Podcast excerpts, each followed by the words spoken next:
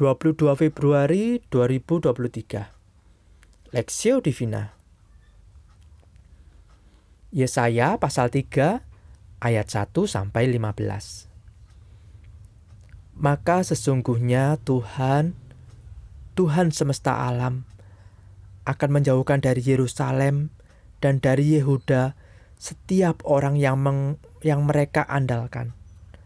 Segala persediaan makanan dan minuman, pahlawan dan orang perang, hakim dan nabi, petenung dan tua-tua, perwira dan orang yang terpandang, penasehat dan ahli sihir, dan orang yang paham mantra.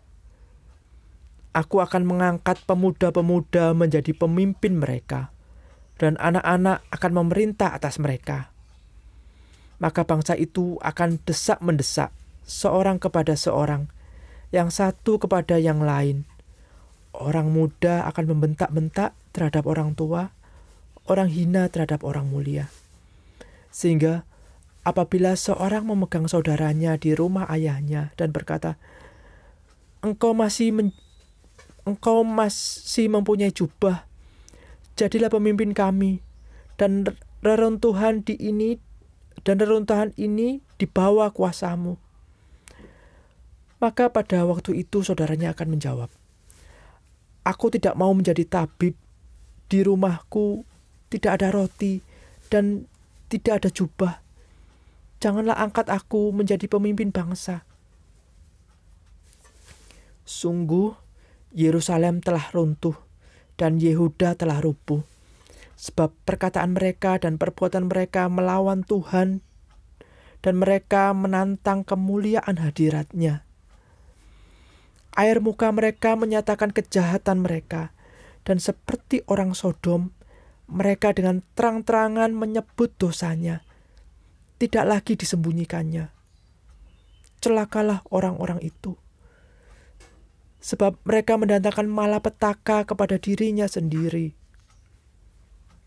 Katakanlah berbahagia orang benar, sebab mereka akan memakan hasil pekerjaannya.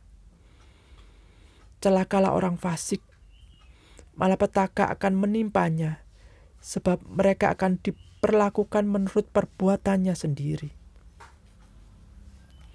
Adapun umatku, penguasa mereka ialah anak-anak dan perempuan-perempuan memerintah atasnya Hai umatku, pemimpin-pemimpinmu adalah penyesat, dan jalan yang kamu tempuh mereka kacaukan.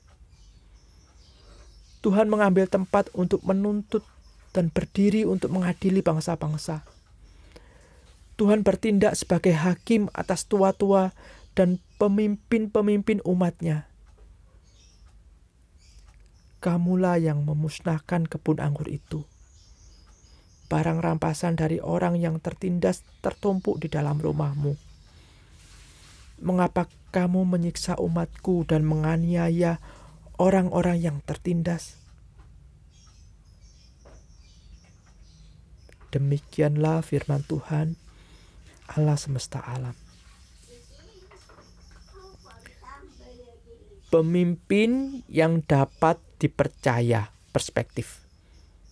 Sungguh Yerusalem telah runtuh dan Yehuda telah rubuh, sebab perkataan mereka dan perbuatan mereka melawan Tuhan. Hai umatku, pemimpin-pemimpinmu adalah penyesat dan jalan yang kamu tempuh mereka kacaukan. Yesaya pasal 3 ayat 8 dan ayat 12. Dalam sebuah artik artikel dikatakan bahwa Donald Trump dinilai telah menghancurkan Amerika Serikat pasca pandemi COVID-19. Penyangkalan Trump atas pandemi COVID-19 yang melanda AS, penyebaran informasi yang salah, hingga kepemimpinannya yang buruk dinilai, dinilai telah merugikan negara AS.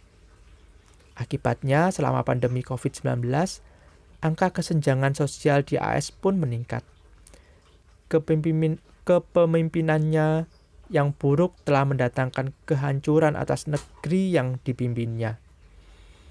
Demikian juga hanya kehancuran yang akan terjadi atas Yerusalem. Tuhan akan menjatuhkan hukumannya karena para pemimpin mereka telah berdosa kepadanya. Para pemimpin tidak lagi hidup menaati dan mempercayai Tuhan. Sebaliknya, mereka lebih mengandalkan manusia daripada Tuhan. Segala perkataan dan perbuatan mereka menyatakan perlawanan dan pemberontakan kepada Tuhan. Mereka juga membuat kekacauan dan ke, mereka juga membuat kekacauan dalam kehidupan umat Tuhan yang mereka pimpin. Dengan terang-terangan mereka menyatakan kejahatan dan menyebut-nyebut segala dosa yang telah mereka perbuat. Bahkan mereka memperkaya diri dengan menyiksa, merampas, dan menindas umat Tuhan yang seharusnya mereka sejahterakan. Demikianlah dosa, kejahatan, dan kefasikan mereka menyeret umat Tuhan jatuh ke dalam dosa. Karena itu, Tuhan pun akan mengadili mereka dan bertindak sebagai hakim atas mereka.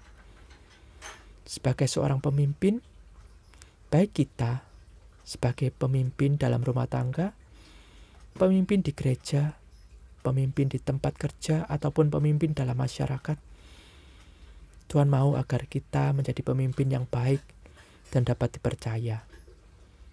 Tuhan mau kita memimpin dengan baik, benar, dan adil terhadap orang-orang yang Tuhan telah percayakan kepada kita. Dengan demikian, damai sejahtera dan berkat Tuhan akan turun atas kita dan atas semua orang yang kita pimpin. Mari belajar menjadi pemimpin yang baik dan menjadi berkat bagi orang yang kita pimpin, dan yang mendatangkan kemuliaan bagi nama Tuhan. Kiranya Tuhan menolong dan memampukan kita untuk itu. Amin. Studi pribadi, bagaimanakah kepemimpinan yang telah kita lakukan selama ini? Di dalam keluarga, di gereja, di tempat bekerja, ataupun di masyarakat.